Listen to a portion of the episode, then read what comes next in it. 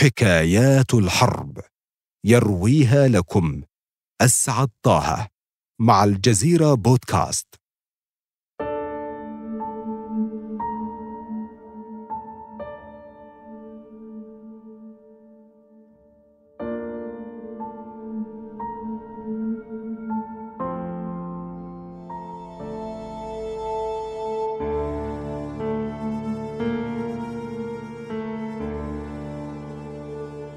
هل يمكن أن تقاتل المرأة؟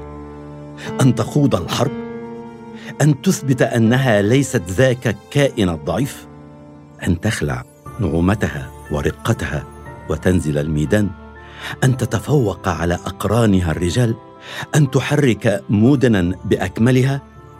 نعم لقد حدث ذلك بالفعل وإليكم ما جرى. الزمان. العشرون من فبراير شباط عام 1910 المكان قلب العاصمة المكسيكية. الحدث إعلان نتائج الانتخابات الرئاسية في بلد مثقل بأزماته الاقتصادية والاجتماعية ويتطلع إلى رئيس جديد يخرجه منها. وها هي البشائر. فرانسيسكو ماديرو. يفوز على الرئيس الحالي بورفيرو دياز لكن الرئيس الحالي لا يريد أن يغادر القصر. اذا فليتلاعب بالقصة كلها ويزح بالتزوير منافسه الفائز. هل تتخيلون الموقف الآن؟ الأجواء محتدمة جدا. وعود الثقاب على وشك الاشتعال في أي لحظة. وها هو الفائز فرانسيسكو ماديرو. يدعو إلى انتفاضة شعبية وهو ليس بحاجة للكثير من الجهد لتعبئة الناس فقد خرج السهم من القوس ولا يستطيع أحد منعه من التحرك بعد الآن. وكأنها الثورة. لكن النظام القديم ينجح في القبض عليه والزج به في السجن. فينجح بدوره في الهرب بمساعدة بعض الحراس يصل إلى الولايات المتحدة الأمريكية ومن هناك يعلن نفسه رئيسا للمكسيك. لم يكن يدري الرجل أن سنوات قليلة تفصله عن تحول الدولة التي هرب إليها إلى عدوه الأكبر. وهنا سنسمع عن مجموعة زاباتا الرقم المهم في الثورة تلك التي أسسها إيميليانو زاباتا الضابط السابق بالجيش الذي أصبح مقاتلا ثوريا متمردا وقد التف حوله كثير من المقاتلين وأصبحت حركته بمثابة رمانه الميزان التي حركت الأمور من جديد وفرضت عودة ماديرو إلى المكسيك لتسلم الحكم. فيعود محاطا بالفلاحين الذين وجدوا فيه أملهم الجديد. وبالفعل ينتصر الرجل لهم ويبدأ في توزيع الأراضي عليهم لكن الجارة العظمى ليست سعيدة بالأمر. اذا فليتدخل العسكر. يتفق قائد القوات المسلحة في المكسيك مع الولايات المتحدة على إزاحة الرئيس الفائز من الحكم. الثامن عشر من فبراير شباط عام 1913 الجنرال هوريتا قائد القوات المسلحة القادم من عصر الرئيس السابق وبرفقة ابن أخي الرئيس الراحل يدبران المؤامرة. يلقى القبض على الرئيس المنتخب ماديرو وما إن تمر أربعة أيام إلا وتقع المفاجأة.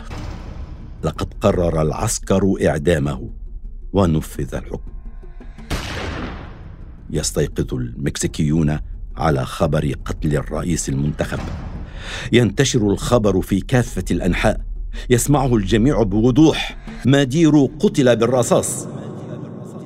لكن نحن ما زلنا نذكر اسم زاباتا المجموعة المنفذة التي سلمت العاصمة بكلتا يديها للرئيس المنتخب العائد. ها هي الأقدار تعيدها إلى المواجهة من جديد. ترفض المجموعة الاعتراف بالرئيس العسكري الجديد تضع خطة لتنصيب رئيس مدني للبلاد. على كل حال لقد أخذتنا هذه الأحداث كلها إلى هناك إلى حيث بدأت حكاية بترا هيريرا قائدة الألف امرأة. لم يكن الفلاحون على استعداد لفقدان ما تغير في حياتهم لكنهم هذه المرة لم يخرجوا وحدهم. لقد قررت النساء المشاركة وبعد أن كان دورهن منحصرا في تسهيل حياة المقاتلين والاعتناء بهم والحصول على الطعام في المقابل رغبت بعضهن في الانضمام للمعسكرات كمقاتلات في هوية الرجال. من بينهن بترا التي لم تكن تمتلك أي خلفية عن السلاح لكن انضمامها غير كل شيء.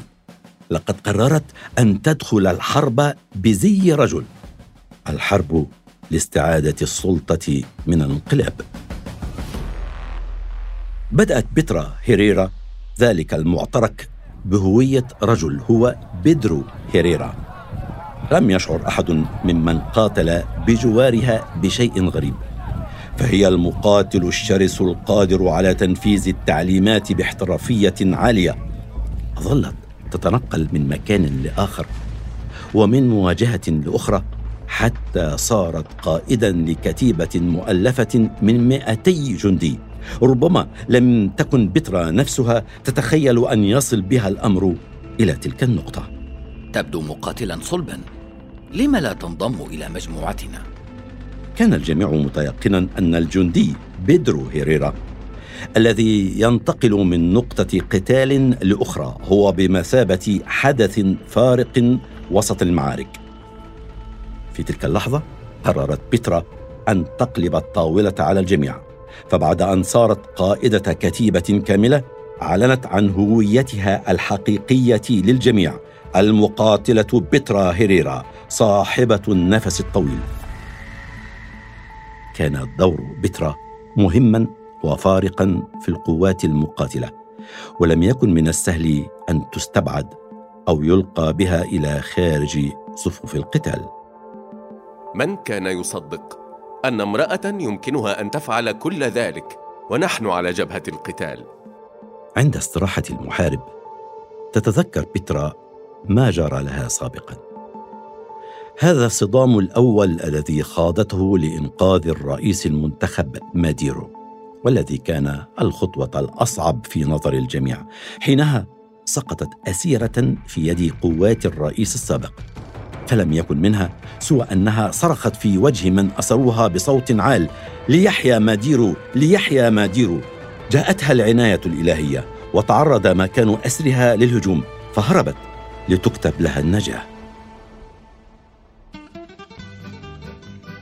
على كل حال صارت شجاعة بترا قصائد وأغاني يرددها المكسيكيون في جلساتهم. الآن نحن في العام 1914 والمكان هو مقاطعة توريون كل من ذهبوا إلى ذلك الجسر كانوا في انتظار رصاصة تنهي حياتهم. كان هذا هو ما أكده الجميع. بعد العودة من معركة توريون المعركة الفاصلة التي تركت آثارها العميقة على حياة بترا. فقد قادت في هذه المعركة أربعمائة امرأة ومئتي رجل لتقع المدينة في أيدي الثوار. لقد كانت بترا هي من أسقطت توريون. كان قرارها أن تطفأ كل الأضواء المحيطة بها حينما دخلت المدينة لتصبح مثل أي جندي عادي. لم تسعى بترا أن يحيط بها الجميع بعد نهاية الموقعه لكنها فوجئت برفض قائد القوات الذي حاربت تحت لوائه أن يرقيها إلى رتبة جنرال كما كان متوقعا. لقد انتهى دوري هنا. وهنا تغير الكثير في مسار بترا فقد بدأت قصة أخرى بالفعل. كونت بترا مجموعتها الخاصة. فقط من النساء وضمت تحت قيادتها ألف امرأة إنها تغير من موقعها ومن دورها لكن بوصلتها واحدة الوطن. لاحقا تتحرك نحو الشمال تعمل كجاسوسة لصالح مجموعة من الثوار. لكن ثمت مفاجأة كانت في النهاية. ماذا تتوقعون؟ لقد أفلتت هذه المقاتلة الشرسة من الأسر ونجت في قلب المعارك التي أوشك الجميع فيها على الموت. لكنها ها هي تلقى حتفها برصاص ثلاثة جنود مخمورين.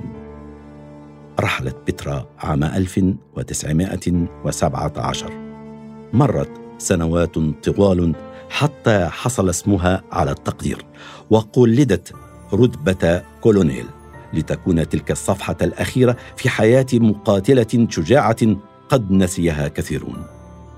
إلى هنا تنتهي الحكاية، لكن حكايات الحرب لا تنتهي أبدا. أسعد طه.